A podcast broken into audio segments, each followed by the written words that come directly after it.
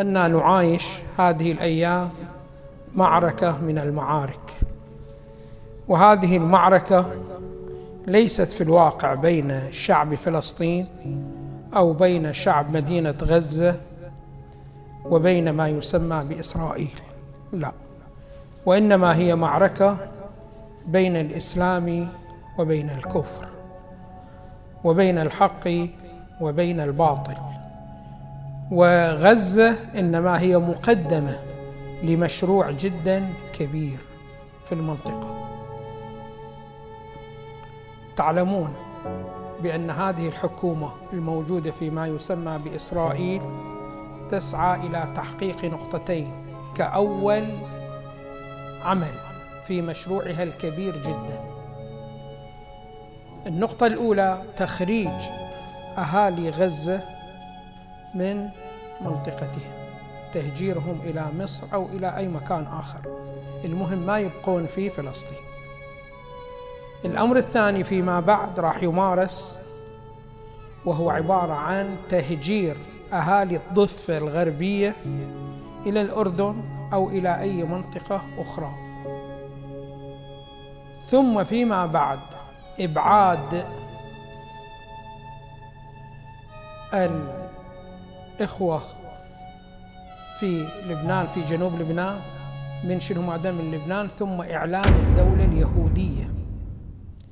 وتعلمون أن الدولة اليهودية الآن رافعة شعار على علمها بأنها تمتد من النيل إلى الفرات. يعني تاخذ شنو ماذا أكثر المناطق الإسلامية المهمة. فلذلك محاربتهم الآن ليست محاربة مع أهالي غزة وإنما هي نقطة في مشروع جدا كبير. هذه المعركة اختلفت التسميات فالبعض يسميها بأنها معركة ما يسمى بإسرائيل وحماس والبعض الآخر يسميها محاربة الإرهاب والبعض الثالث يسميها معركة البقاء. أنا أقول هذه المعركة لا تمتاز بأي تسمية من هذه التسميات التي هي مذكورة.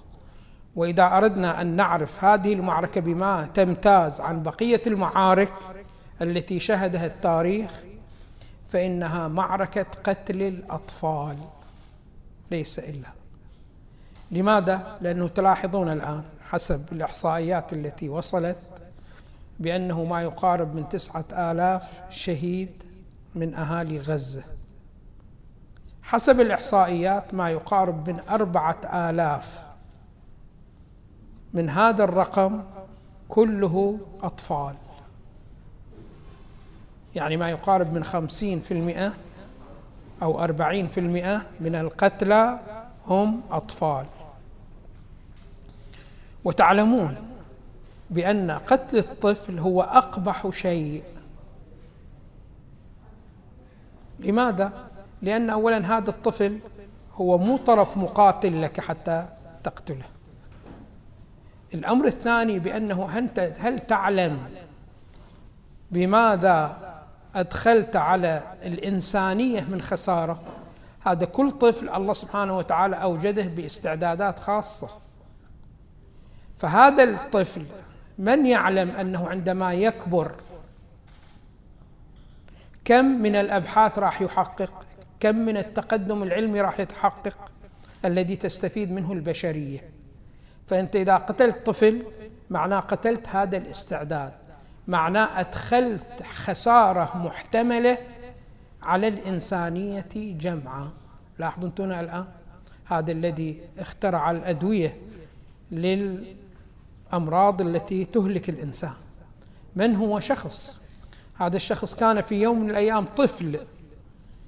فلو إحنا قتلناه حين هو طفل إيش قد؟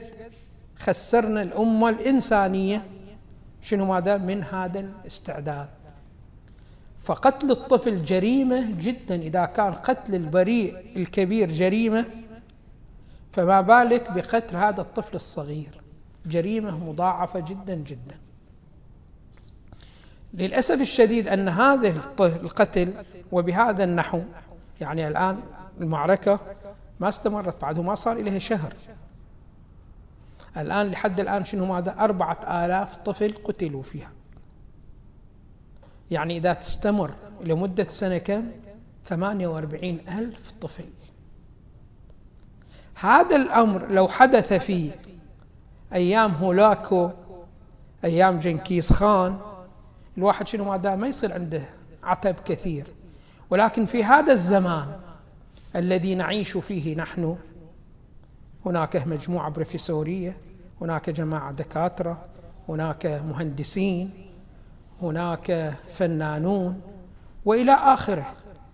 أين الاعتراض؟ أين أصوات الاعتراض ضد هذه المذبحة العجيبة جدا والقبيحة جدا؟ أمر جدا مهول. نحن نعيشه هذه الأيام. أربعة آلاف يقتلون أمام أعيننا وإحنا شنو ماذا؟ نتفرج عليهم. واقعا انحطاط في الإنسانية. صحيح عندنا تقدم علمي في الطائرات في وسائل الاتصال ولكن ما عندنا أي تقدم في الوجدانيات وفي الضمائر. وهذا شنو؟ هذا أسوأ أنحاء التقدم. فإن الإنسان المطلوب أن يتقدم في إنسانيته في ضميره في وجدانه. مو يتقدم في وسائل النقل ويدمر إنسانيته. يتقدم في وسائل الاتصال ويدمر إنسانيته. يتقدم في غزو الفضاء ويدمر شنو؟ ماذا إنسانيته. تعلمون سبب هذا ما هو؟ سبب هذا هو تبعيد البعد الأخلاقي الذي يخاطب الضمير والاقتصار على البعد المادي في الحياة. وهذه هي نظرية الغرب. النظريه الغرب أنه لا يعترفون لا بأخلاق ولا بوجدانيات ولا بضميريات وإنما يركزون على الجانب المادي فقط. ولذلك تشوفون إذا تلاحظون إحصائيات إحصائيات إحنا ما توصلنا هنا دقيقة لأنهم ما يريدون يفتضحون أمام الناس. الانتحار في أوروبا متقدم جدا جدا وفي أمريكا متقدم جدا جدا. بسبب ماذا؟ مو بسبب التأخر في الجانب العلمي. أمريكا متقدمة جدا في الجانب العلمي في غزو الفضاء في الاتصالات في كل الجانب العلمي المرتبط بالدنيا ولكن متخلفة ومتأخرة جدا فيما يرتبط بالوجدان بالضمير بالأخلاق. كيف يرتقي الإنسان؟ علم أخلاق ما موجود فقط تعطيه شنو ما علوم شوفوا هذا نتنياهو. وهذه اتفاق نتنياهو هذه الكلمة تعطى شنو ما أنه هبة الله أو عطاء الله. اسم خوش اسم. ولكن لاحظ هذا دارس هو عنده شهادة في الهندسة المعمارية ثم عنده شهادة في إدارة الأعمال. ولكن شاهده يقتل الطفل مثل ما يقتل البعوضة. وتسمعون أنتم شنو تصريحاتهم؟ بأنه نحن نتعامل مع وحوش. لا أنت تتعامل مع إنسان مع بني آدم. ولكن أنت تحولت إلى وحش. فما تعرف تتعامل مع الإنسان كيف تتعامل بل أنت أسوأ من الوحش.